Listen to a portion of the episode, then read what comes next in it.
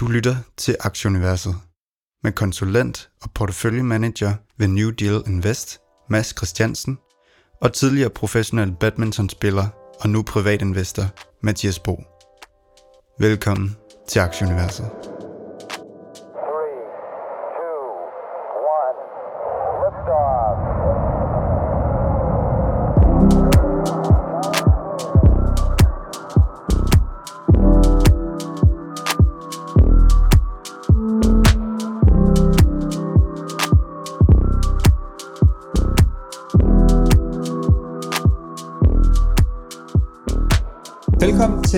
66. 20. udgave af Aktieuniverset. Det er i dag, søndag den 2. januar. Godt nytår, Mads. Tak, i lige måde, Mathias. 56, kan det passe? Jeg, jeg synes, vi, det Ja, var nummer 66. 13. Nå, 66. Ja, Ja, fordi det var nummer 13. Jeg har, 56.. ja, det gjorde så. Men jeg har siddet og hørt øh, vores forudsigelser fra sidste år, og det var helt sikkert nummer 13, som jeg lige husker det. Og så, ja, så er jeg bare hurtigt til matematik, så sagde jeg 52 plus 13, og så var der bare noget, der på en eller Jeg anden skal, måde ikke fungerede. min, øh, jeg skal undskylde min fejl, hvis jeg, øh, hvis jeg sagde 56. Det er selvfølgelig 66. 20. udgave af Aktieuniverset, men datoen er vist, øh, så vidt jeg ved, rigtig nok. Så dagens ølspil, det bliver hver gang Mathias siger undskyld, og det, der, der kommer jo noget med noget evaluering af forudsigelser og, øh, og så videre. jeg, kan også, jeg kan også godt få sagt undskyld et par gange, tror jeg. Der, der, jeg, jeg lyver bare. I, i, dagens program, så Mads lige har løftet sløret for og ud over en, en kort nyhedsrundtur med, fra, fra ugens løb, så skal vi lige kigge tilbage på vores vilde forudsigelser, som Mads nævnte fra, fra første podcast sidste år. Øh, vi skal analysere vores egne præstationer i hver vores portefølje, og så kommer vi selvfølgelig med øh, et par nye, måske vilde, eller i hvert fald øh, et par forudsigelser for, for kommende år. Så det bliver spændende at høre, og jeg tror nærmest ikke, i hvert fald for mit vedkommende, at min forudsigelse kan blive dårligere end dem, det var for 21, men, øh, men det når vi tilbage til, og det er det her med at, at kigge ind af, og det, det kommer vi til i dag, Mads, så det gør jeg i hvert fald. Nu, nu kan jeg ikke huske dine forudsigelser, i hvert fald ikke med alle sammen, så, øh, så du har helt jeg- sikkert været skarpere end mig, for jeg er på, på 0 og 4. det, jeg er bare ringet til at kigge indad, så øh, undskyld. Ja. Fair nok. Lad os, øh, lad os lige starte med at tage indeksniveauet. Øhm, S&P'en er op 0,85, øh, øh er op 1%, Nasdaq er i 0, og øh, DAX'en 1,80, øh, C20 1,84, 10-årig rente i USA 1,52, og olien er lige omkring 75 en ja, lidt kedelig øh, uge, præget af lav trading volume. Det har sådan været et skridt frem og et skridt tilbage. Tirsdagen var god for vores tech-aktier. Øh, Mercado Libre øh, steg en del, har, har generelt set set stærk ud i december måned. Jeg tror lige i starten af december var den nede i 1050, og nu ligger den omkring 1350. Øhm, den er den er på min øh, på min kandidatbænk på min watchlist over over ting. Men øhm, ja, jeg, jeg, jeg tror øh, jeg tror det her sådan lidt volatile marked godt kan kan fortsætte lidt ind i det nye år indtil vi lige får helt styr på øh, på corona. Øh, Omikron varianten og hvad det ellers hedder og øh, og sådan nogle ting. Så, øh, så vi må lige se, hvad der, hvad der sker. Hvad siger du til det, Mads? Ja, men jeg, jeg, jeg, som aftalt så til sidst, øh, til allersidst, så kommer vi lige med et, et take på alt det her med skatte, skattehandel og, øhm, og windows dressing og sådan noget, som også dominerer markedet. Det tror jeg virkelig kommer til at, at fylde meget i, i år her i januar, og har fyldt meget i december, at, at der har været rigtig meget af det, men øh, det tager vi lige til allersidst. Yes. Øh, Gravity, den, øh, den har også været ved at komme afsted, havde en flot stigning tirsdag også her i det her, men ender også med at tabe igen for ugen. Det er som om lige så snart, at der bliver bygget fart på, så, øh, så, så går gearkassen i, øh, i stykker på, på Gravity. Øh, jeg ved, at du har den som et øh, uh, screaming uh, øh, buy, Mads, men øh, ja, vi må, vi må håbe, at, øh, at 22 bliver, bliver et bedre år for Gravity-aktien. Jamen, og det er jo netop det her skattesalg. Altså, der er mange, der har skulle tage en, et tab hjem, fordi at de har gevinst i nogle andre øh, positioner og sådan nogle ting. Så, så, øh, så hver gang, at Gravity begynder at stige, så er der nogen, der gerne vil benytte den lejlighed til at, at skyde nogle af dem af. Øhm, så det, det bliver spændende at, at, at se, om, om det vender den anden vej. Og så, så rammer det også Gravity, at så mange øh, kæmpe store kvalitetsaktier virkelig er blevet øh, hamret så langt tilbage, og, og det investorsegment, der interesserer sig for Gravity, det er de samme, som interesserer sig for Sea Limited, Mercado Libre, hele det her vækstsegment, øh, alt inden for, for cloud og innovation og, og, og så videre. Så, så derfor så er Gravity relativt set måske ikke blevet så meget billigere for, for de investorer, som, som kigger på den, fordi alt andet også er blevet hamret, øh, hamret helt i gulvet. Øhm, måske ugens mest spændende nyhed, Delivery Hero, de er, øh, de er gået i seng med det her øh, Glovo. Kan du ikke øh, fortælle lidt om det, Mads? Jo, øh, jeg, jeg tror, det var nytårsaften et eller andet tidspunkt kl. 10, halv 11 eller sådan et eller andet, så kommer nyheden ud om, at man tænker bare, altså de der skvader hoveder, laver de ikke andet nytårsaften, end at, end at sidde og, og handle med virksomheder. Men, øh, men nyheden er, at Delivery Hero køber øh, Glovo. Øhm, og Delivery Hero ejer jeg, nummer 40% i forvejen og, og betaler, øh, som jeg lige kan, kan, kan, kan læse det med aktier øh, for, for Glovo. Glovo er, øh, er en, en relativt nystartet øh, delivery, øh, food delivery virksomhed, som også arbejder med, med at, at aflevere øh, apotekervarer og en masse andre vertikaler er, er størst i Spanien øh, og er ellers store i, i øh, Østeuropa, øh, Balkan. Øh, og, og, øh, og jeg synes, det komplementerer Delivery Hero rigtig godt. Altså, Delivery Hero har øh, gorillas i, øh, i Nordeuropa øh, til quick commerce, så har man Glovo nu i, øh, i Spanien og i, i, øh, i Balkan i øh, Østeuropa. Øhm, og, så, øhm, og så har man en, en stake i Deliveroo i, i England. Så på en eller anden måde, så kæmper man imod øh, konkurrenterne, som er Just Eat Takeaway, Grubhub øh, og, øhm, øhm, og DoorDash i, i USA. Dem kæmper man imod på alle fronter, uden måske selv så meget at kæmpe kampen. Øhm, der var noget snak ud om, at, øhm, at Glovo har egentlig ikke været interesseret i at, at blive opkøbt af Delivery Hero, det har, øh, har de tidligere udtalt. Øhm, og nu kommer den her nye regulation fra, øhm, at, at, øh, at riders de skal være ansat som lønarbejdere, de kan ikke mere være gig-arbejdere på samme måde, vender lidt tilbage til det. Men, men det gør lige pludselig, at, at, øhm, at mm, der er noget spekulation omkring, hvor hårdt det egentlig rammer Glovo. Og jeg tænker sådan op i mit hoved, at det giver rigtig meget mening, at, at man fra Globos side, når man bliver ramt af noget økonomisk usikkerhed, hellere vil ind i en stor gruppe øh, og samarbejde med en stor gruppe. Øh, og jeg synes, det giver rigtig meget mening. For mig lyder det som om Glovo har lidt mere arbejdet med andre vertikaler, altså for eksempel apotekervarer og sådan nogle ting, en Delivery Hero har, så man har noget, man har noget, man kan have glæde af hinanden med på nogle forskellige måder. Glovo kommer med teknologi af en ung, hurtigt fremadstormende virksomhed. De får medejerskab af Delivery Hero og kommer til at arbejde for hele koncernen. Fra Delivery Heroes synspunkt, så tror jeg, det vil blive sådan, at de de kommer til at vinde nogle markeder, og nogle markeder kommer de altså til at tabe. Så på den måde er det, er det fedt nok at være diversificeret geografisk. Og på den måde giver det også god mening for Glovos ejere, at de måske vil sige, skal vi satse det hele på, at vi kan vinde Spanien, eller skal vi, skal vi blive en del af Delivery Hero, og så være med i det her store bet, hvor man kan satse opportunistisk på forskellige markeder så, så, øh, så er det her jo konteksten, der får øh, Delivery Heroes udmelding i sidste uge til at give mening om, at man ikke længere vil være ville satse på Tyskland, men ville satse på, på andre muligheder. Altså man vil øh, økonomisk koncentrere sig om at fyre andre steder, og det kunne så nu blive øh, blandt andet via Glovo. Øhm, og ja, det, altså det er egentlig det, jeg synes, det giver, det giver god mening langt hen ad vejen. Og jeg synes, noget af det, som man skal huske, det er det, som øh, Lars Haugen fra, i, fra øh, som vi havde med i interviews. Fra We, We Order. Order. Order. Ja, lige præcis. Han taler om det her med, at man skal nok mere se Delivery Hero som en, en delivery virksomhed, en logistik virksomhed, nær logistik, og at det er der, de vil hen i verden. Det, det tror jeg er den rigtige måde at forstå det på. Jeg synes, det er, er super spændende, giver mening.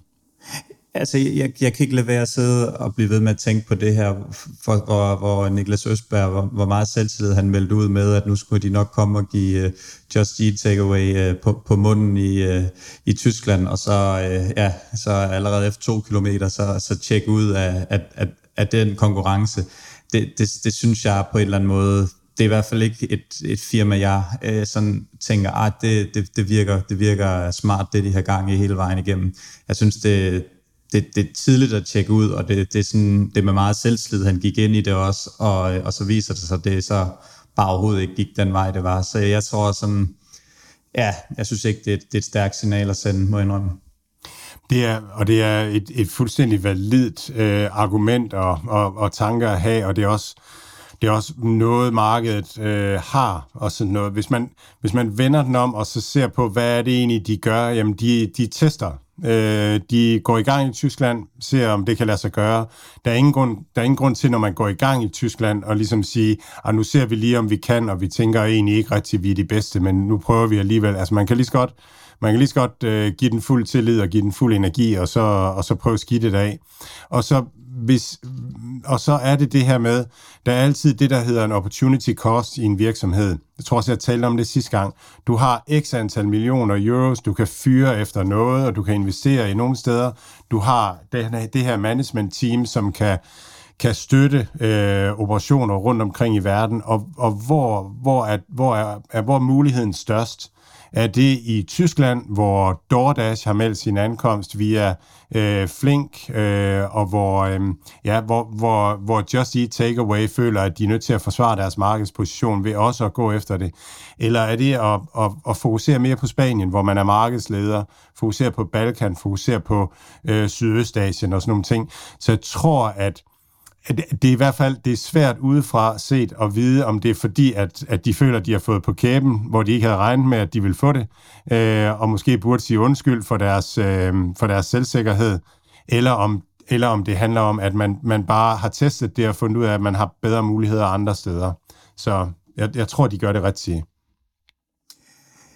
Mads, lad os øh, komme lidt videre og kigge på, øh, på vores øh, aktieår 2021. Oh. Vil du, øh, ja, jeg ah. ved godt, at det, det, gør, det gør lidt ondt, men, øh, men altså, ja, vi, vi, vi, vi skal til det alligevel. Der er ingen vej udenom. Vi, øh, vi leverer et, øh, et, et stykke ærligt public service, og øh, hvis vi ikke har klaret det så godt, så skal vi ikke være bange for øh, at, at nævne det så, øh, så kan vi jo komme øh, come back stronger, som man vil sige i, øh, i Indonesien. Jeg kan se Mads, han det ikke kan se, fordi der er selvfølgelig sjovt nok ikke kamera på udsendelse, der han sidder og strækker lidt ud. Øh, han, han, prøver, han prøver at dukke, øh, dukke sig for skærmbilledet, så jeg tror, han er gået, men, men det, jeg fik en det er du ikke. lad os få revet, øh, lad os få revet øh, plasteret af, øh, Mads. Hvad, øh, hvordan klarer du dig i, i aktieåret øh, 2021? Jeg har ikke sådan, jeg har øh, lidt forskelligt rettepension og, og, og nogle, nogle forskellige depoter, millionærklub, øh, portefølje også og sådan noget. Men jeg lander lige omkring minus 20 procent øh, for i år øh, ved, af, af det bud. Øh, og der, hvor jeg har tjent penge, det var, det var CD-ON i, i starten af året, var, var rigtig, rigtig god øh, for mig. Øh, så har jeg været okay til at få solgt øh, C-Limited af øh, undervejs øhm, og, og, og, og fået det lidt over nogle andre steder. Øhm, så, så, ja, så det har været min, min, min porteføljepræstation i år. Hvad med din, Mathias? Jeg må ikke lige øh, holde lidt fast i dig. Nej. Med, øh, Jamen, vi, vi, vi skal jo gerne kunne, øh, kunne se, om vi kan, vi kan hjælpe andre, der også er ind lidt. Har, har ja. du nogle fejl, du kan, øh, du ligesom føler, du selv har lavet, når du sådan sidder og evaluerer det lidt, eller øh, føler du har haft lidt fat i den lange ende alligevel, eller bare været uheldig med, med firmaerne og, og, øh, og så videre? Altså, jeg, jeg, generelt set, så, så tror jeg, at verden misforstår mine virksomheder. Øhm, sagt med et smil også, og, og lidt, lidt, øh, lidt almindelig, øh, almindelig ydmyghed. Øh, men, men, men det, er sådan, det er sådan overordnet det, jeg tror på. Der er en ting, som, som jeg lærte i løbet af året. Øh, måske to ting.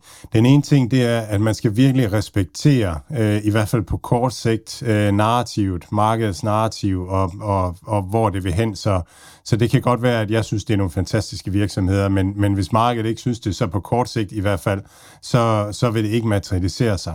Og det, det, det fører mig til det, jeg godt kunne ærger mig over og det var, at jeg ikke havde været mere åben for den mulighed, at markedet ville, ville have den, øh, ville have den, hvad skal man sige, øh, ville se på det på den måde, så jeg kom ind fuldt loaded og, øh, og, og, øh, og, og var fuldt loaded også, også i februar, og, og, og, og, og, og regnede ikke med muligheden for, at, at det her kunne ske.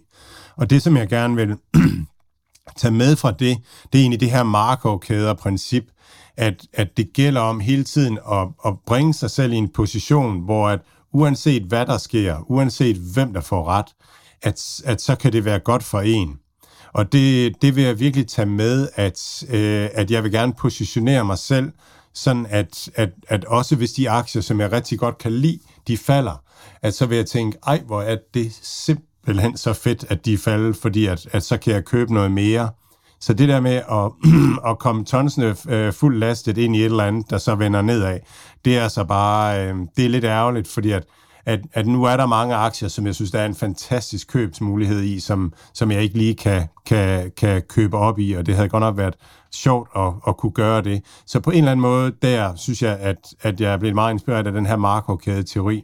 Og faktisk over i New Deal Invest, som, som startede øh, senere i maj måned, hvor vi egentlig også bare, vi har bare haft den ene katastrofe efter den anden i vores virksomheder. Vi har haft Atarian, som blev ramt af forsyningskædeproblematikken. Vi har haft Kambi, som mistede deres store, øh, øh, to store klienter. Vi har haft Evolution Gaming, som øh, som pludselig blev beskyldt for, for at, øh, at, at, at, at sælge deres spil i Iran. Øh, så vi har haft den ene katastrofe efter den anden, og generelt er alle aktierne nede, og alligevel er vi kun nede med 17 procent øh, siden lancering. Og, og det er meget den her med ligesom hele tiden at, at tænke, at at vi skal ikke have en større position, end at hvis den her aktie, den virkelig sætter sig, så er vi super glade og, og kan købe noget mere. Så vi har tjent på reboundsene i det, og det vil jeg tage med mig i al fremtid fremover, at jeg vil aldrig nogensinde ligge for tungt i en virksomhed. Jeg vil altid tænke, at, at jeg rigtig gerne vil købe noget mere øh, ned ad vejen, hvis den falder rigtig meget. Så ja, det er, det er den primære. Hvad, hvad med, med, med at banke lidt profit? Nu, nu fortæller du, at du har fået taget lidt profit i, i C-Limited sådan hen over året, når du føler den lidt. Er det noget, du sådan fremadrettet måske vil gøre lidt mere, og være lidt mere mindre grådig, eller hvad man kan sige? Øhm, hvordan ser du det på det? Nej, det kræver, at man kan time markedet, og det har jeg sådan en tyrker tro på, at det er der ikke nogen, der kan. Så, øh, så at tage profit og være cash, det, det tror jeg er forkert. Jeg tror rigtig meget på det der med, at den rigtige dag, hvis du har cash, så den rigtige dag at købe aktier, det er i dag. Fordi at generelt set, så stiger aktiemarkedet på lang sigt, og, øh, og det, der giver profitten på lang sigt, det er at være i kontanter. Men, men hvis man løber ind i et eller andet med 20% af sin portefølje i en virksomhed, og den så tanker 10%, så, eller tanker 50 procent, så er det stadigvæk 20 procent, man har et stort tab, så kræver det altså virkelig, øh, så kræver det virkelig, at man har, har noget, noget godt mellem benene, for at man, man lægger 20 procent mere på disken og siger, at det var da en fantastisk gave, ikke? Fordi at der er altid den her mulighed for, at der er svindel eller, eller et eller andet, eller at der dukker et eller andet nasty op. Så, øh, så jeg tror på det der med at holde, holde positionerne lidt mindre. Hvad med dig, Mathias? Hvordan, øh, hvad, hvad, hvad har du lært, og hvordan er din, hvordan er din præstation i år? Jamen, øh, det, jeg, jeg, jeg, er meget tilfreds. Jeg er op øh, 27 procent. Hold da op. Øhm, det, ja, det, det er primært min krypto selvfølgelig, der har båret mig, øhm, og øh, mine olieaktier, øh, specielt det firma, der hedder Vartex, jeg tror, det er op omkring 700 procent i år. Der fik jeg øh, banket en, en del profit i det, øh, da, den, da den var noget højere. Jeg tror, den var op i 11-12 stykker, der er jeg banket. Nu tror jeg, den er i 4 eller sådan noget igen. Men, øhm, men der, der fik jeg lavet noget, nogle, nogle gode penge på den. Øhm, Apple har været god ved mig, og så, øh, og så selvfølgelig mit øh, S&P-indeks, som også er op en øh, ETF'en der, som er op en, en, en 27 procent eller sådan noget for året. Så, øh, så overall, der, øh, der, der kan jeg bestemt ikke være utilfreds. Selvfølgelig lidt ærgerlig over, at man ikke fik øh, taget lidt af, af låget der i, i starten af, af december eller slutningen af november, der, øh, der opstart begyndt at falde, der C Limited begyndt at falde, for så havde det virkelig, virkelig været et, et godt aktieår for mig. Der var jeg op over 40 procent på det tidspunkt. Så, øh, men, øh, men selvfølgelig 27 procent kan man, kan man heller ikke øh, være, være utilfreds med. Sidste år var det 30, så, så det, har været, det har været rigtig fint. Øhm, jeg, øh, jeg vil selvfølgelig også gerne lige kigge lidt på mine taber og de fejl, jeg har lavet, fordi at, at selvom at, at jeg sagde, at, at jeg synes, det er, et, det er et flot afkast, 27 procent, så, øh, så synes jeg da i hvert fald stadigvæk, at jeg kan lære ufattelig meget. Øhm, hvis jeg lige nævner sådan min, min værste aktie, Gravity har været rigtig, rigtig dårlig hele vejen igennem faktisk. Det har bare været faldende hele vejen. Der har ikke engang været noget og sådan på et tidspunkt, hvor man kunne sige, jamen, øh, der har jeg lavet en fejl ved at købe eller sælge, eller noget som helst, der bare faldet hele vejen fra start af. Jeg har lagt lidt til, og det er faldet, faldet, faldet. Så det er klart, at det koster i sidste ende. Øhm, den her Renewable Energy Corporation, den kanadiske øh, virksomhed, har også været dyr. Den har også faldet, faldet, faldet. Det her Clean Tech, Green Energy, som er, som er faldet meget i år, og der, der kører den jo nærmest med en, med, en, med en gearing i forhold til det, hvis man kan kalde det sådan, fordi den er mindre og selvfølgelig også mere volatil, når det falder. Så opstart, den, øh, den kom jo også jeg kom ind i den på et godt tidspunkt, men, øh, men så faldt den jo så helt ud af, helt ud af jule, julemandens pose, og, og ligger så og ruder rundt i, i 40 procent, tror jeg, under det her givet. Og så øh, Bavarian Nordic skulle jeg ind og prøve at lege med en dansk aktie, og det, det lykkes bare generelt set ikke. Mig og Danmark er ikke et, et godt match med rent aktiemæssigt i hvert fald. Og så har jeg sådan så tænkt lidt over, hvad, hvad er fejlen i de her øh, fire, fire, fem, fire virksomheder, jeg har. Og virksomhederne kan jeg stadig godt lide. Jeg kan godt lide øh, teknologien i, i Gravity, øh, hvad hedder det nu, branchen, øh, computerspil, gaming. Øh, det er jo noget, som ikke jeg selv spiller, eller jeg tror, du spiller, men det er jo det, som, som de unge spiller øh, og, og bruger meget tid på, og det univers, der det føler jeg helt sikkert, at man skal være inde i. Øhm, opstart ja, som vi snakkede om, elsker teknologien. Jeg kan se muligheden for, at, øh, at den her aktie disrupter markedet. Om det er den, der bliver vinderen eller en anden, det er svært at, at, at, at være helt sikker på, som vi også har nævnt, men, men jeg forstår casen, og jeg, jeg synes, det giver mening i min verden. Bavarian Nordic øh, bettede jeg på, at, at de skulle fremstille en, øh, ja, en, en corona-vaccine. Det tror jeg også, der stadigvæk er en okay realistisk chance for. Det, der irriterer mig lidt ved den, det var, at jeg havde egentlig set det her ved, ved den her, omkring den her kurs for en, en tre måneder siden, men den blev ved med at stige, og så, så tænkte jeg, ej, nu, nu hopper jeg på toget alligevel, og, og det tror jeg måske egentlig faktisk er den, er den største fejl, jeg har lavet, fordi jeg blev lidt for øh, FOMO med, med den, og, og fik næsten købt på toppen, og så er den så faldet ned siden, fordi de ikke nu har fået den her godkendelse.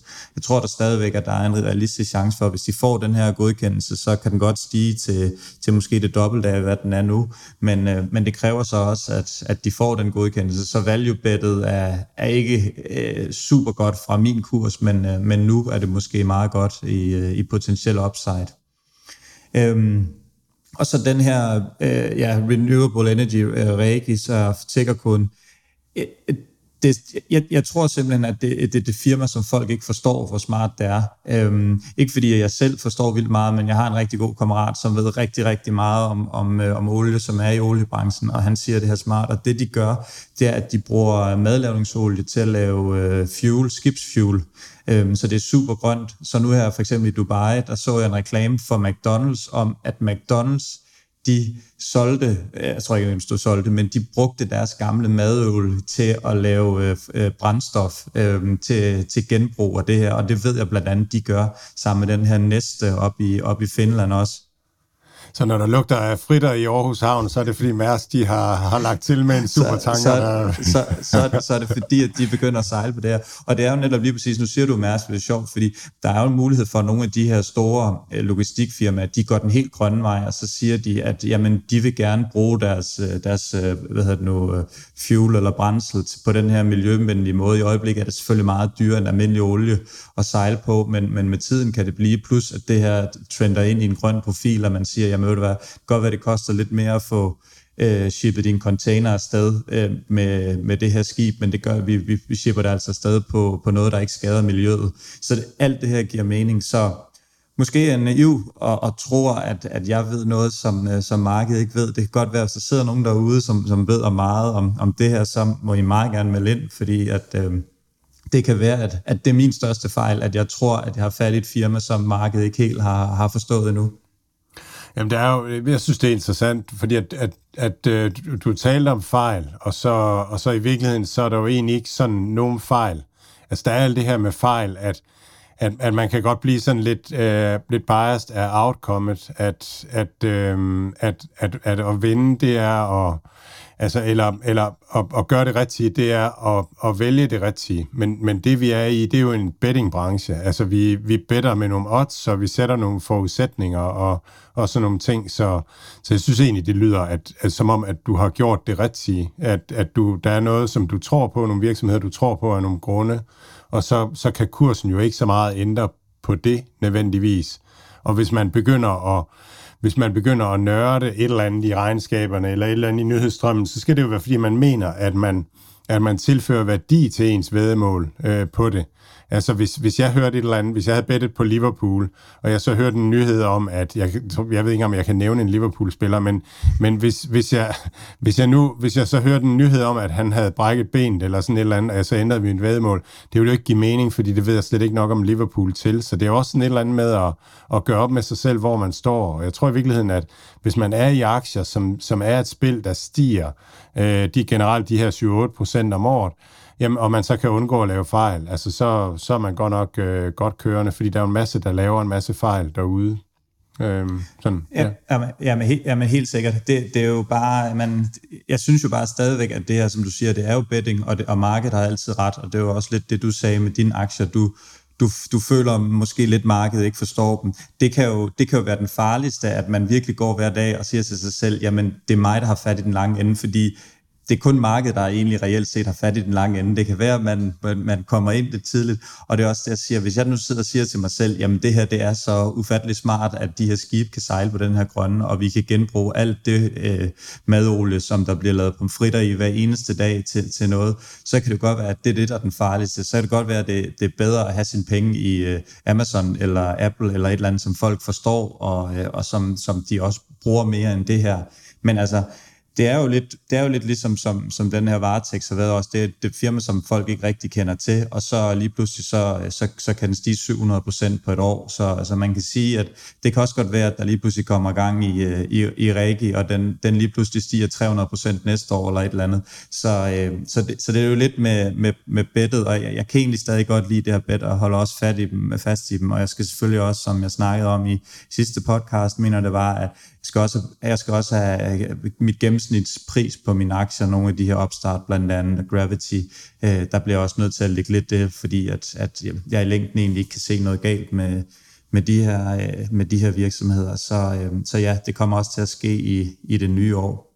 Øhm. Ja, og, og Reggie der, altså jeg, jeg, et eller andet sted, hvis, hvis man har en eller anden god opinion, som, som giver mening og som, som giver bedre odds, så, så tænker jeg da, at, at så, så, så er det jo det, man skal gå efter.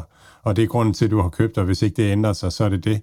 Og så ved jeg bare, at der bliver lavet flere og flere pomfritter i McDonald's, så, så jeg, tror, jeg tror på casen i den grad. Jeg tror, det er en, det er, det er en sekulær trend. Det, det er, ja der er snart ikke det, man ikke kan putte i ønskebrønden mere for øh, at, få det til, at få det til at smage godt. Men altså, der findes jo nærmest heller ikke noget, man kan stoppe ned i frityr, uden det smager godt, når det, når det kommer op igen. Jeg har været mange i hvert fald at finde, finde det, der ikke gør. Det, det er ganske forfærdeligt, det er sådan. Men, øh, men nå, ja, nok om det. Men altså lige en sidste ting omkring 2021, fordi det er faktisk noget af det, som jeg synes har været sådan mest spændende. Det her, vi, vi har også talt om det, det her med, at det har været de private investorer, som har... Øh, som ligesom har været spilstyrende. Der, øh, der, der tidligere har det jo altid været de her store institutionelle, der har, og, og de private retail-kunder nedunder bare været marionetdukker. I år har det jo ikke rigtig gået, som, som de her store går ud og, og sagt med det her klassiske sektorrotation og alt muligt ting. Det er ikke sådan rigtig kommet for at blive. Det synes jeg bare er sjovt, at, og man kan tydeligvis øh, høre, at, at de her lidt større virksomheder, de er ikke helt tilfredse med, at de ikke kan få folk til bare at hoppe, øh, hoppe hen, hvor de gerne vil have dem til. Så det synes jeg sådan, er sådan hvert fald noget af det, jeg har lagt meget mærke til i 2021, det her med, at jamen, der er skulle kommet en, en, en stor, øh, stor spiller mere på banen i form af de, jeg med på, at de private øh, investorer har altid været med forstået med, med de her øh, Wall Street bets. Der er andre øh, foreninger, der ligesom har også været med til at trække i trådene og sådan noget. Så selvfølgelig lidt en måske farlig tendens, man kan sige det sådan, men, men også sjovt, at, at det ikke bare er de store institutionelle, som bare nærmest kan, kan bestemme slagets gang hele vejen rundt. Ja, jeg, jeg, jeg, jeg kan godt se, hvad du mener. Og der, der er jo nogle historier om, at, at altså der, der var jo for eksempel, øh, hvad var det, den hedder, vores, vores biotech-virksomhed, som, som lige pludselig øh, strøg i vejret der. Ja, Eviaction og Evi- ja, Orphesigm har også været to, to eksempler ja, fra Dan, Danmark af, kan man sige. Ja, ja lige præcis, hvor, hvor, hvor de lurer derude. Det var faktisk en af mine forudsigelser for, for i år. Det var, at øh, de private ville tage større markedsandel. Jeg kan huske, Michael Fri snakkede om, at det var 20 procent i 2020, og jeg tænkte måske, at det ville blive mere. Og jeg synes måske derfra, hvor jeg står, at, at, øhm, at, at de, de institutionelle og store investorer måske alligevel har haft meget bolden. Altså, de har kørt value-segmentet rigtig meget op igen, øh, og det har været reversal to the mean, eller reversal to the, the old. Øh, så så jeg, jeg, jeg synes måske, at, at, at de trods alt har vundet i forhold til, hvordan det var i, i, 20, øh, i 2020. Men der er i hvert fald helt, helt klart den her tendens til, at en gang imellem, så, bliver, så kaster de private sig over et eller andet, og så er der nogle af de store, der vælter om på, på skjoldet og, og må have kunstig åndedræt og, og, og få trukket stikket ud. Øhm, det så vi med, med Kina. Mange af de der fonde, der havde investeret i Kina, de blev lige pludselig pillet ud. Øhm, så så den er der. Øhm, I hvert fald kan vi... man sige, i hvert fald kan, i hvert fald kan man sige, at, at Dow Jones er af de tre amerikanske ledende indeks er Dow Jones det der der sted mindst i år. Så hmm. øh, så efter, efter, efter kaldet fra, fra, fra den at at vi skal over noget cyklus, så er det i hvert fald ikke det der er sket, fordi S&P er stedet 27, øh, Nasdaq er stedet 20% og Dow Jones er stedet 18% Så igen i år har de været taberne. Så så øh, ja, Øhm, det, er i hvert fald, det er i hvert fald ikke den vej, pengene sådan ligesom er, er, er kommet, kommet ind.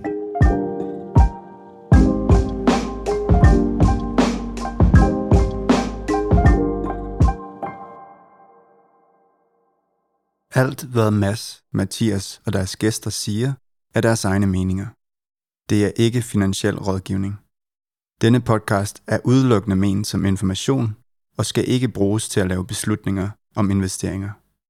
Mads, Mathias og kunder i New Deal Invest kan have positioner i de virksomheder, der tales om i podcasten.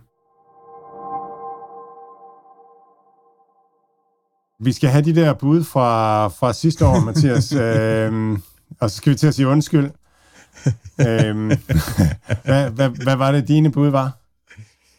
Øhm, skal jeg starte med det, eller hvad? Jeg, jeg tror også, jeg har fået en fiber nu i baglåret. Jeg dukker, jeg dukker mig. Nej, vi kan lige så godt lægge, øh, vi kan lige så godt lægge øh, hvad hedder sådan noget, øh, uh, hånden ned i tyregryden, og så tage, tage det smertelige nederlag. Jamen, jeg sagde, at min første forudsigelse var, at bitcoin ville gå i over 75.000. Det gjorde den ikke.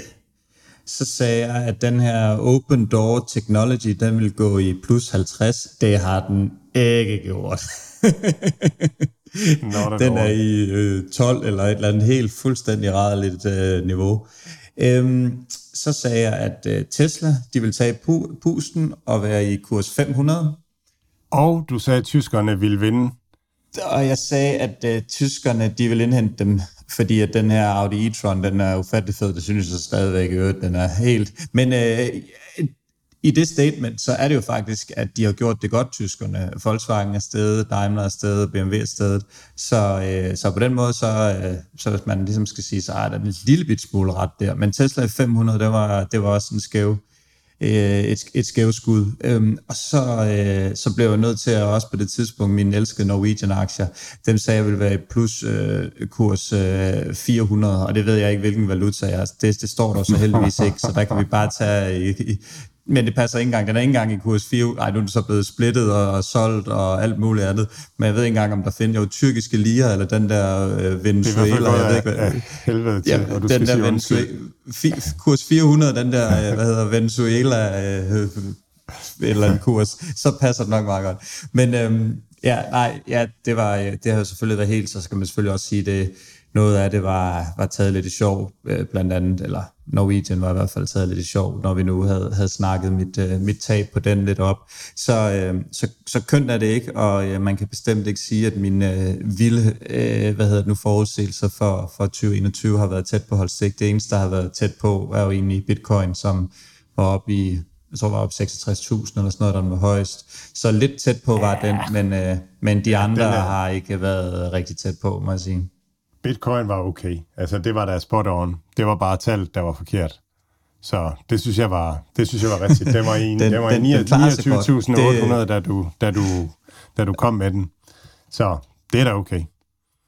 Det, det er okay, Mathias. Det er ikke verdensmesteragtigt, men det er okay. Altså. det, er ikke no, det er ikke noget, der vinder, det er ikke noget, der vinder VM, det her.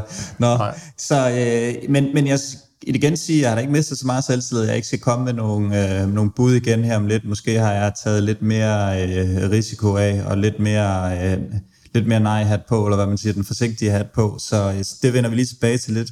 Mads, øh, 0 4 er jeg. Det ja. gjorde øh, du øh, bedre med sikkerhed.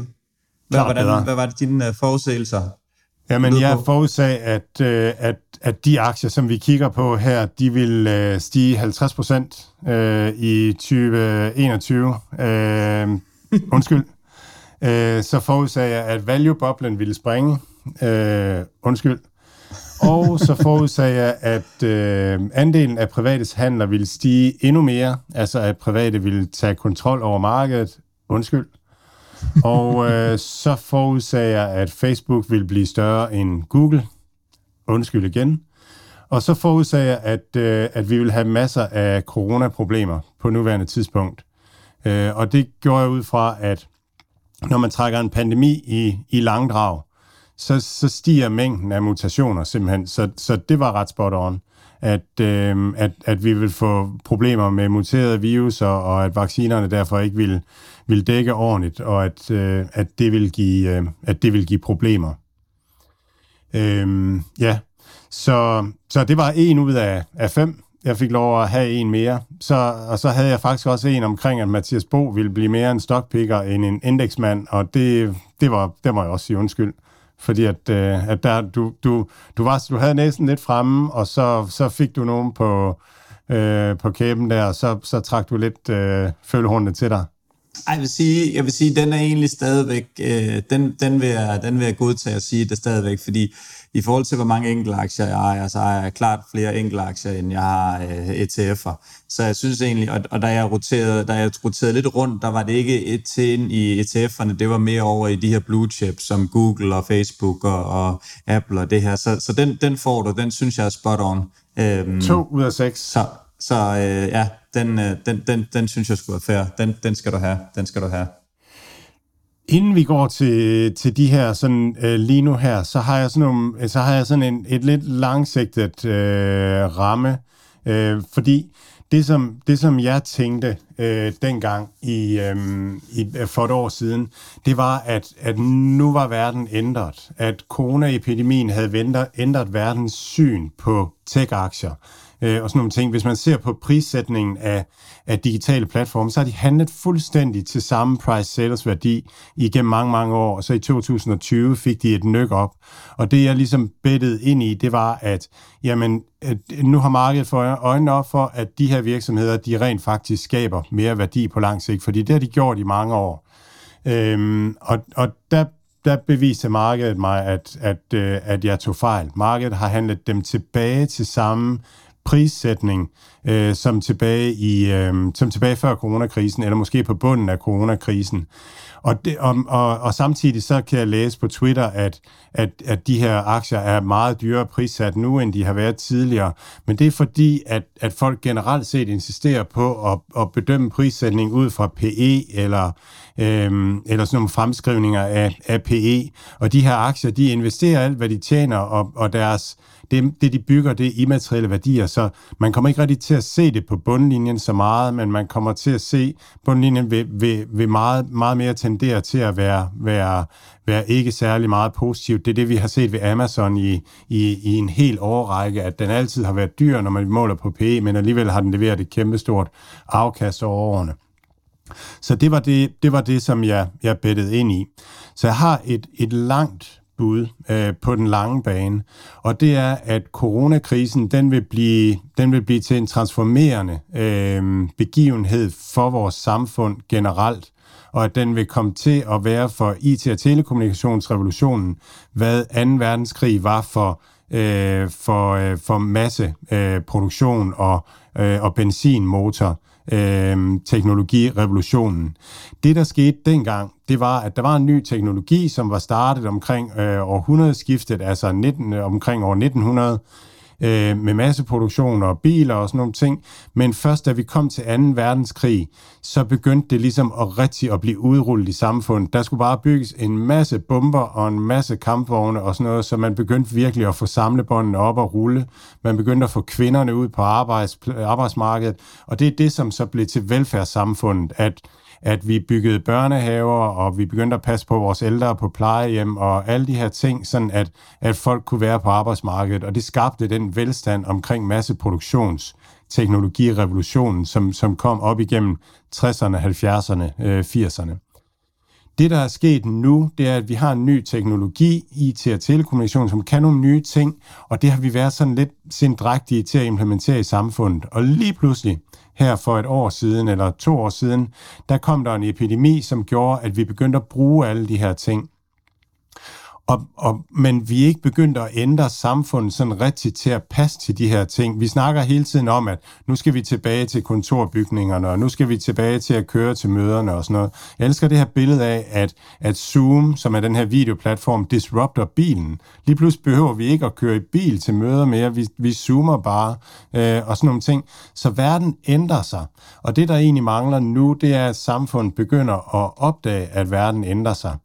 Øhm, og, og det, der er det nye, for eksempel, for at give et eksempel på, hvad der er nyt på arbejdsmarkedet, det er den her gig-økonomi. At øh, vores lydmand Anders, han arbejder for os, øh, og han bor i, øh, i Georgien, og så arbejder han for et par forskellige podcasts og sådan noget. Han, han, han har ikke nogen... Han har ikke nogen sygeforsikring, han har ikke nogen opsigelse, han, har ikke, han sammensætter bare sin eget liv efter, efter, efter hvad han kan få af jobs. Og der er masser, som arbejder ved Delivery Hero om aftenen med at køre pizza ud, og så, så designer de et eller andet fedt for kunder på Fiverr om, øh, om dagen, og nogle gange har de nogle projekter inden for, øh, for Decentralized Finance, de laver et eller andet der og sådan nogle ting. Så folk laver alt det her med at, at sammensætte øh, arbejde på forskellige måder. Vi kender gigøkonomi fra virksomhedskonsulenter og fra freelance journalister og sådan noget i forvejen. Men det er sådan, verden, verden forandrer sig og skal et nyt sted hen, og det mangler vi simpelthen, at, at verden begynder at, at omfavne og designe det, der kan gøre, at, at gig-økonomien kan vækste, at, at alt det, der kommer ud af IT og telekom, at, at det kan vækste fremadrettet. Og det tror jeg måske, at, at coronaepidemien bliver det, som får, får politikerne, beslutningstagerne øh, til at opdage, at at der er rent faktisk noget nyt, øh, noget nyt under gære, øh, som, som, kom, som, som ligesom skal have et, et skub i ryggen og en anerkendelse og sådan nogle ting. Og der var den her beslutning om, at at de her driver for, for delivery øh, virksomhederne, at de skulle være fastansatte ved virksomhederne. Altså det var bare et, det var bare sådan et, øh, jeg synes det virker dumt, og jeg kan godt forstå, at, at det passer ind i den gamle måde at se verden og se arbejde og økonomier på, men det passer ikke ind i den nye måde, og, og der tror jeg måske, at vi får startskud til en ændring. Så mit første bud øh, på, øhm, øh, på mit første bud på 2021, eller 2022, det bliver, at værdisætningen af de her virksomheder, som, som vi kigger på, de nu har nået en langsigtet bund, øh, den samme bund, som vi havde tilbage i 2019, og som vi har haft i mange år, og at, at verden nu, investorerne nu får øjnene op for, at det er rent faktisk de her virksomheder, som kommer til at transformere verden ind i det, den bliver over de næste 5-10 år. Så, øhm, så, så måske bliver det, det er tit, når en aktie sådan har handlet i et eller andet niveau i lang tid, så bryder den op, og så skal den tilbage og teste det gamle niveau, øh, før at den sådan rigtig begynder at stige. Så det er mit, mit frække bud på, at, øh, at, at vores aktier øh, ikke bare kommer til at vokse det, de vokser i år i værdi, men også at der kommer en multiple ekspansion Altså, at vi også kommer til at tjene mere. Og det var det samme, der skete i 2020. Og det er det der grund til, at Sea Limited, selvom de voksede over 100% i år i omsætning, at de så ligger flat for året. Og det samme med Mercado Libre og Carvana, som også er vokset cirka 100%, de ligger flat for året. Det er simpelthen den der multiple øh, nedskrivning igen, som, som er kommet af markedet. Så det var mit første, ja, altså, første bud. Spænd, spændende, men altså, jeg skal også lige være fair ved, ved sige limited. Jeg tror alligevel, det er op en 12-13 procent ja, i år. Ja, den er op 6, nej, den er faktisk op 20 procent, sådan noget. Men, okay, ja. okay, ja.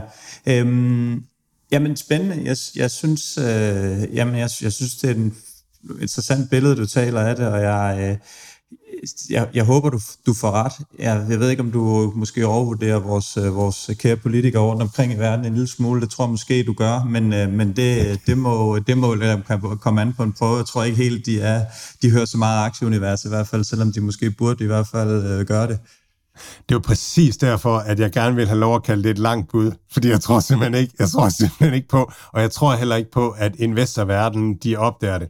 Jeg tror måske godt, at investorverdenen kan få FOMO, når, når nogle af de her virksomheder begynder at sige, ligesom komme til at tænke på, og oh, kunne det her være det næste Amazon, og sådan noget, måske skulle vi springe på vognen, måske er det ikke sådan noget skrammel, men det kan også sagtens være, at, at det bliver de gamle narrativer, der tager temaet om, at jamen, prøv lige at se på P1, den er jo helt, den er jo 50 eller 100 eller sådan et eller andet.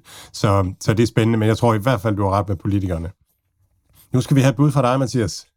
Jeg, jeg vil også gerne komme med, med bud. Jeg, jeg, jeg, jeg sådan, hvordan jeg sådan ser det lidt det næste år, øh, eller de næste år. Altså, økonomisk set, verden, de fleste steder i verden, så, så går det økonomisk godt det er jo et godt fundament for, øh, for ligesom at have øh, et, et aktiemarked, der, der vokser.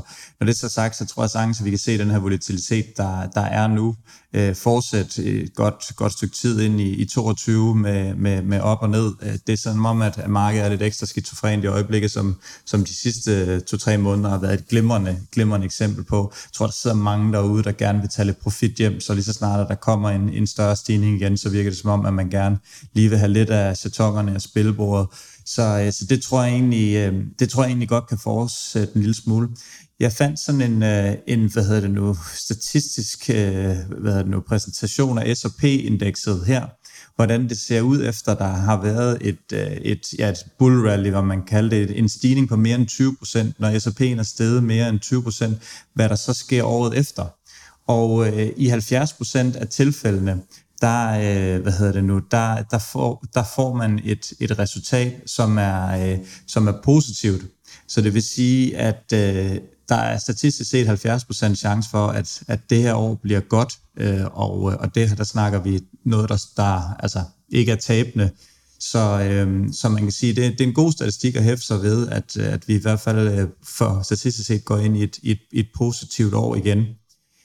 Når det er så sagt, er der noget screaming by lige nu fra min side, som jeg ser et eller andet? Nej, jeg, jeg er som nævnt tvunget lidt til at forbedre min, min snitkurs i et par af de her aktier øh, kvæg at være tro mod min strategi. Øhm, så nej, jeg, jeg synes selvfølgelig stadigvæk, at den her grønne sektor, en ETF, er et godt bud på noget. Sker det i, i 2022, at, at den accelererer der, eller sker det i 2025, det ved jeg ikke. Men, øh, men selve, selve det grønne og ETF'erne er, øh, i de grønne segmenter er nede for i år, så jeg tror egentlig, det, det er et godt bud, øh, men, men det er ikke sådan, jeg sidder og tænker, at det skal man bare købe, når markederne åbner på mandag. Øh, på den lange bane kan jeg godt se, at den her grønne sektor outperformer øh, resten af markedet, men, øh, men det er langt, langt fra sikker på, at det sker i, i 22. Øhm, så min første vilde forudsigelse, og det var lidt det, jeg snakker om her, det er, at jeg vil se, om jeg kan være så, så tæt på 100% tro mod min investeringsprofil. Forstået på den måde, at øh, jeg vil gerne, hvis jeg fanger nogle af de her aktier, som jeg kan få til at stige kurs igen, vores, vores tech-aktier, så vil jeg gerne se, om jeg kan banke en lille smule profit, så jeg tager, man kan sige, lidt af gevinsten af bordet, og så lade, lade ligesom overskuddet rende og så videre. Så vil jeg gerne se, om jeg kan lade være og lade mig friste af alle de sjove og spændende aktier, vi taler om her, og så stadigvæk være lidt mere i blue chip og lidt mere i min, øh, i min ETF-indeks, i stedet for at købe nogle af de her lidt mere springfarlige fædre, som, øh, som der engang imellem dukker op. Øh, så jeg sagde ikke 100%, jeg sagde så tæt på 100% tro mod min investeringsprofil som, øh, som muligt. Altså, det er bare game on, Mathias. Jeg skal simpelthen prøve at lokke dig med alt, hvad jeg overhovedet kan, kan finde på. Hvordan afgør, vi, om du, hvordan afgør vi, om du har ret?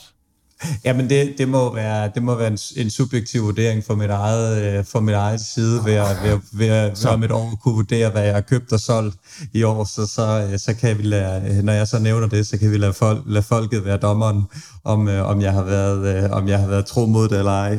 Det vil jeg gerne, det vil jeg gerne overlade til vores lyttere. Det, det tror jeg, de har et, et, et, et godt overblik over.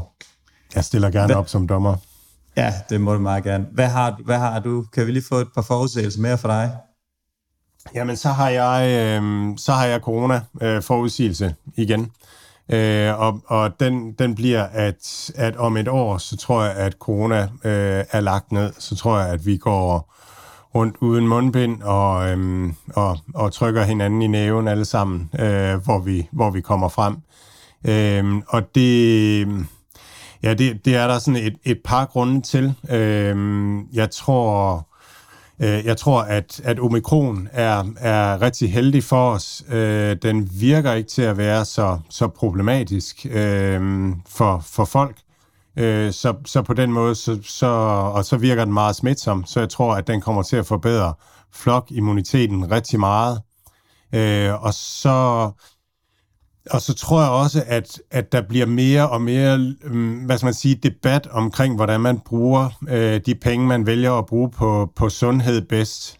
Altså, der, der er mange andre svage grupper, øh, som, som godt kunne bruge nogle penge. Øh, I Danmark er for eksempel psykiatrien er, er, er underbemandet og ikke særlig, ikke særlig godt fundet, og, og, og man kan ikke lade være med at spekulere på, om, om pengene kunne kunne blive brugt godt øh, andre steder i samfundet. Øh, og den debat, øh, tror jeg, øh, kommer til at fylde mere og mere øh, fremad det næste år. Og så tror jeg, at, at der vil være lande, som lige så stille begynder at sige, ej, nu åbner vi op, nu gør vi som Sverige gjorde, eller nu håndterer vi omikron, som Sydafrika gør, og sådan nogle ting, og så vil man, så vil man se, at at det går faktisk ikke så galt. Om det så er fordi, at, at, at, øh, at corona ikke egentlig er så problematisk, som man har gjort den til, øh, eller om det er fordi, at flokimmuniteten øh, er, er blevet så, så god og så stor, at, at det ikke er et problem. Øh, og, så, og så tror jeg ikke, der skal så meget til for at give den debat vind, at, at måske bruger vi pengene bedre øh, på nogle andre øh, grupper inden for, for sundhedsvæsenet. Så jeg tror, og, og i og med, hvis man først begynder at åbne op, altså så vil flokimmuniteten jo begynde at, at vokse rigtig meget. Så det, det tror jeg, er, er, og, og det synes jeg egentlig er, er et godt, vildt bud, øh, når man kigger ud i den verden, vi kigger i lige nu, hvor, hvor alle går rundt med mundvind på og, og sådan nogle ting. Min anden antagelse, ingen, øh, ingen øh, hvad hedder det nu, forudsigelse, uden uh, selvfølgelig det noget uh, bitcoin jeg tror, øh, at bitcoin går i 75.000 i år. Og jeg tror, at Ethereum og jeg tror, ja. Ethereum går i 6.000. Jeg tror stadigvæk, at øh, vi kan sagtens komme ned, men jeg tror, øh, jeg, jeg tror igen i år, at, øh, at, at den, det vil outperforme øh, de andre øh, assets. Så, øh, så jeg, tager, øh, jeg tager endnu en gang øh, Bitcoin-kasketten på, og tror, at øh, det er et øh, glimrende, glimrende investeringsobjekt for, øh, for 2022, og måske det, der, der redder min, øh, min portefølje endnu en gang. Jeg er helt enig. Mit, mit tredje bud, det er også et, øh, det er på krypto. Øh, det første bud, det er, at øh, Ethereum øh, market cap øh, kommer til at overhale Bitcoin market cap, øh, i hvert fald på et eller andet tidspunkt i år. Øh, Ethereum market cap er cirka halvdelen af Bitcoin. Bitcoin ligger okay. lige omkring en milliard i hele træskolængder. Øh, en milliard dollars øh, og, og Ethereum ligger lige omkring en halv milliard dollars sådan i hele træskolængder. Øh, det, jeg, det, jeg synes, jeg oplever mere og mere, det er, at, at, øh, at, at folk får øjnene op for, at Ethereum er en, er en protokol, som, som kan rigtig meget. Altså, det er en virtuel computer. Øhm, der er læring i blockchainen, og der er, er compute power i minerne øh, og så har vi alle de her NFT'er, som, som er programmerbare enheder. Så der ligger en masse kode i NFT'erne, og så, så vi har en virtuel computer, som kan en hel masse ting, og som kan bygge hele den her nye øh, øh, nye ting med, at man kan have ejerskab øh, på internettet, hvor, hvor det kan man ikke på, på det gamle øh, .com-internet. Og så synes jeg, man kan mærke, at mange institutionelle investorer, fonde osv. virkelig begynder at interessere sig for de her layer one øh, ting. Øh, der er Cardano og, øh, og Solana og, og Ethereum, øh, som er nogle af dem. Øh, og, og, og Bitcoin-protokollen, den kan det her med at være store of value, men den kan ikke så meget mere. Den er for langsom og for tung og sådan noget. Den er mega tung at arbejde med, derfor er den god store of value, fordi at den er, den er, er svær at, er ligesom at snyde med. Men, men der er en anden ting, som jeg, som jeg synes er interessant, og det er, at det her med, at, at vi tager altid tingene fra den, fra den gamle verden, og så tænker, sådan må det også være i den nye verden. Så alle de tænker, store of value, det skal være et eller andet, som er ubrugeligt til alt andet. Altså derfor må det være bitcoin, fordi at den er ubrugelig til alt andet. Men i virkeligheden så er der jo ikke nogen, der er ikke nogen, der siger, at store of value ikke kunne være noget, der rent faktisk også kan bruges til noget. Altså for eksempel være Ethereum eller Solana eller, eller hvad det nu kan være for, for en protokol, øh, som vinder frem. Så, øhm, så på den måde, så tror jeg egentlig, at, at de her øh, Layer 1-protokoller, som kan en masse, at, at de vil vinde frem og, og måske øh, stige mere, end, end Bitcoin vil øh, på, i løbet af det næste år i hvert fald, fordi at der er interesse for det. Og så har jeg, øh, bare sådan for at sætte det lidt i perspektiv, øh, så har jeg den forudsigelse også inden for krypto, at Ethereum market cap vil blive større end Facebook market cap på et eller andet tidspunkt i løbet af i år. Øh, Facebook er sådan et eller andet sted under en milliard, 800-900 milliarder dollars, øh, og Ethereum er lige der under 500 milliarder dollars. Øh, så det var et frækt bud på, på den. Og så et frækt bud på Bitcoin, det er, at Bitcoin, Bitcoin market cap på et eller andet tidspunkt bliver større end Googles market cap.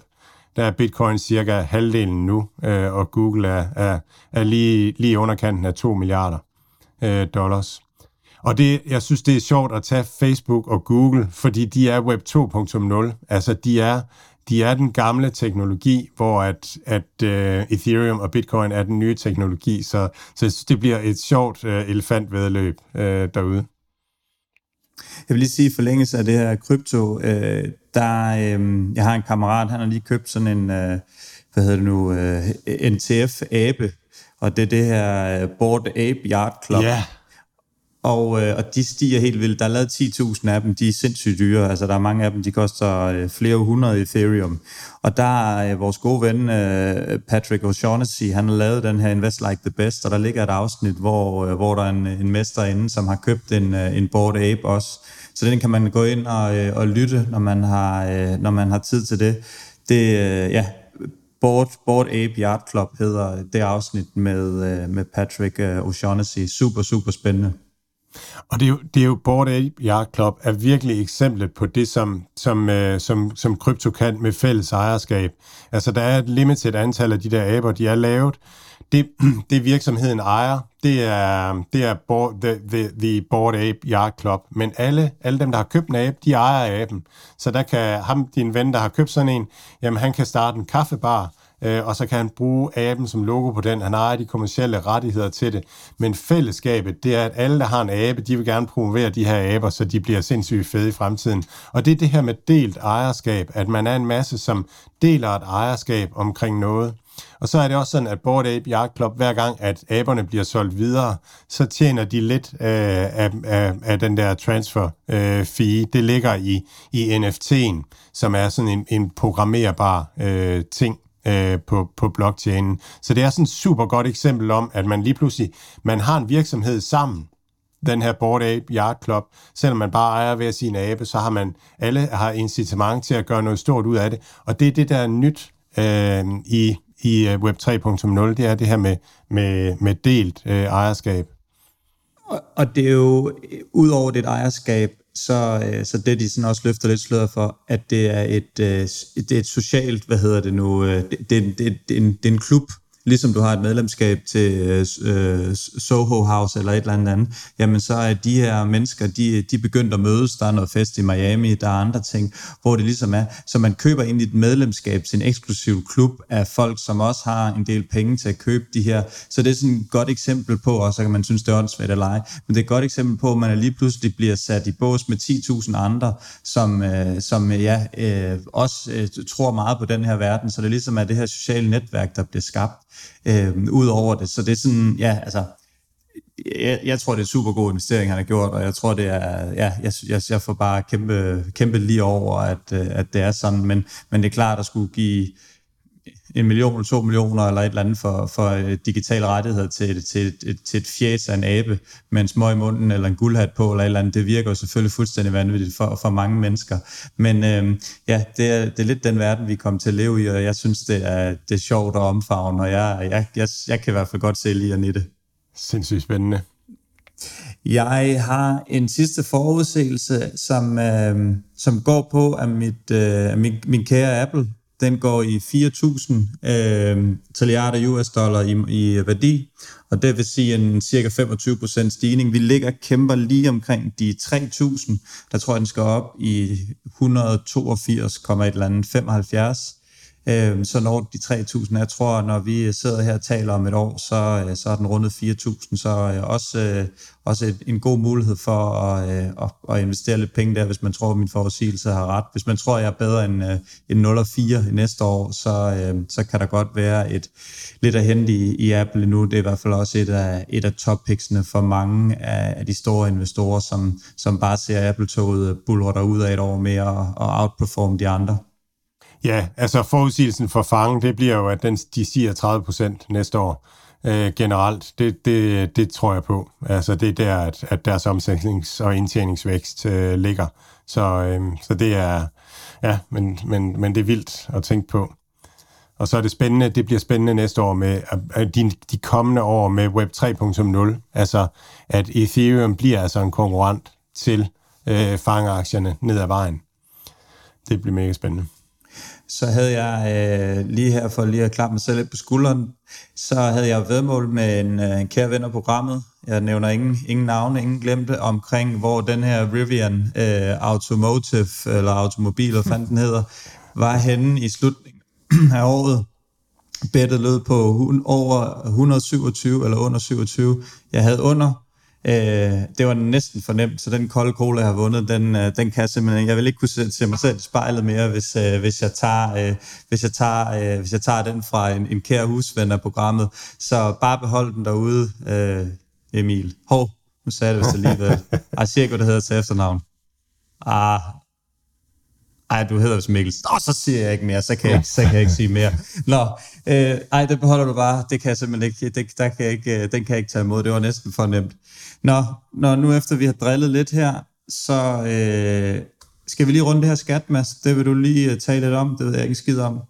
Nej, ja, men det, jeg talte om det i starten af, af, af december, at, øh, at det er næsten alt, eller det er tit sådan i december, at, at de aktier, som har klaret sig dårligt øh, i løbet af året, der, der, der kan investorerne godt lide at sælge ud af dem for at, for, at hente tabet hjem så at man kan modregne det, hvis man har nogle vindende øh, aktier. Og noget, der kunne tale for, at, at i år bliver særlig øh, vildt, hvad det angår, det er, at, at det virkelig er så skævt i markedet, at der er et segment, der har fået bøllebank, og så er der et andet segment, eller så er der øh, det store marked, som, som har, har, har, har som er stegen meget. Så på den måde kunne man godt forestille sig, at de aktier, der har fået bøllebank, de har haft ekstra meget udsalg, øh, ekstra mange sælgere i løbet af december. Øh, og det vil typisk vende i løbet af januar. Øh, jeg læste på Twitter, at amerikanske øh, fonde, for at de skal kunne trække tabet fra i skat, så skal de have været ude af aktierne i en måned øh, og så kan de købe ind igen. Så det vil sige, hvis de har solgt ud i løbet af december, så kan de købe ind igen i løbet af, af januar. Så det kan altså give et, et omvendt købspres. Ja, har hjemme i Danmark, har, har jeg øh, prøvet at lege lidt med det nogle gange med nogle af de små aktier, øh, som er lidt illikvide, at, at de, de har, hvis de har haft et dårligt år, så får de en rad i december måned, og så plejer det at, øh, at vende i, øh, i, i januar måned. Så det kan være interessant at kigge på. Og så er der en anden ting også, som hedder Windows Dressing, og det er, det er fonde og sådan nogle ting, som skal præsentere deres porteføljer for investorerne øh, ved slutningen af et kvartal. Øh, og der kan det også være rart, hvis man har haft nogle aktier, hvor man, hvor, hvor man bare har fået bank i, altså, så kan investorerne måske godt sådan tænke, jamen din spade, hvorfor har du holdt fast i den der? Den er jo faldet i et år. Altså, hvad, hvad, hvad tænker du på? Og så kan det være rart som porteføljemanager lige at, at få bragt den position lidt ned, og så, øh, og så øge positionen i, i fang, sådan at, at, at man trods alt virker som om, at man har fulgt lidt med i, hvad der er foregået i, i årets løb. Så det, det er sådan nogle kortsigtede fluktuationer med salg af de dårlige, nettosalg af de dårlige i december, og så vil de dårlige typisk have en god chance for, for rebound i, øh, i januar. Hvis man sådan skal se på, øh, aktier, der har fået tæsk, altså så er der jo, der er jo Teladoc, øh, som har fået tæsk, der er Peloton, der har fået tæsk, øh, Gravity har fået tæsk, så der er en del af de her, der har fået tæsk, der måske kan være lidt, lidt spændende at, at kigge på i, øh, i, i januar måned her. Vi holder øje med det, og øhm, ja, vi er naturligvis tilbage igen i næste weekend. Øh, ja, vi øh, bestræber os på at optage lørdag. Så øhm, indtil da, så tror jeg, der er tilbage at sige, nu er jeg ved at blive kvalt eller andet. Men øhm, ja, god handelsuge til alle derude, og øh, ja, vi, øh, vi er tilbage næste lørdag, så på genhør. På genhør, Mathias.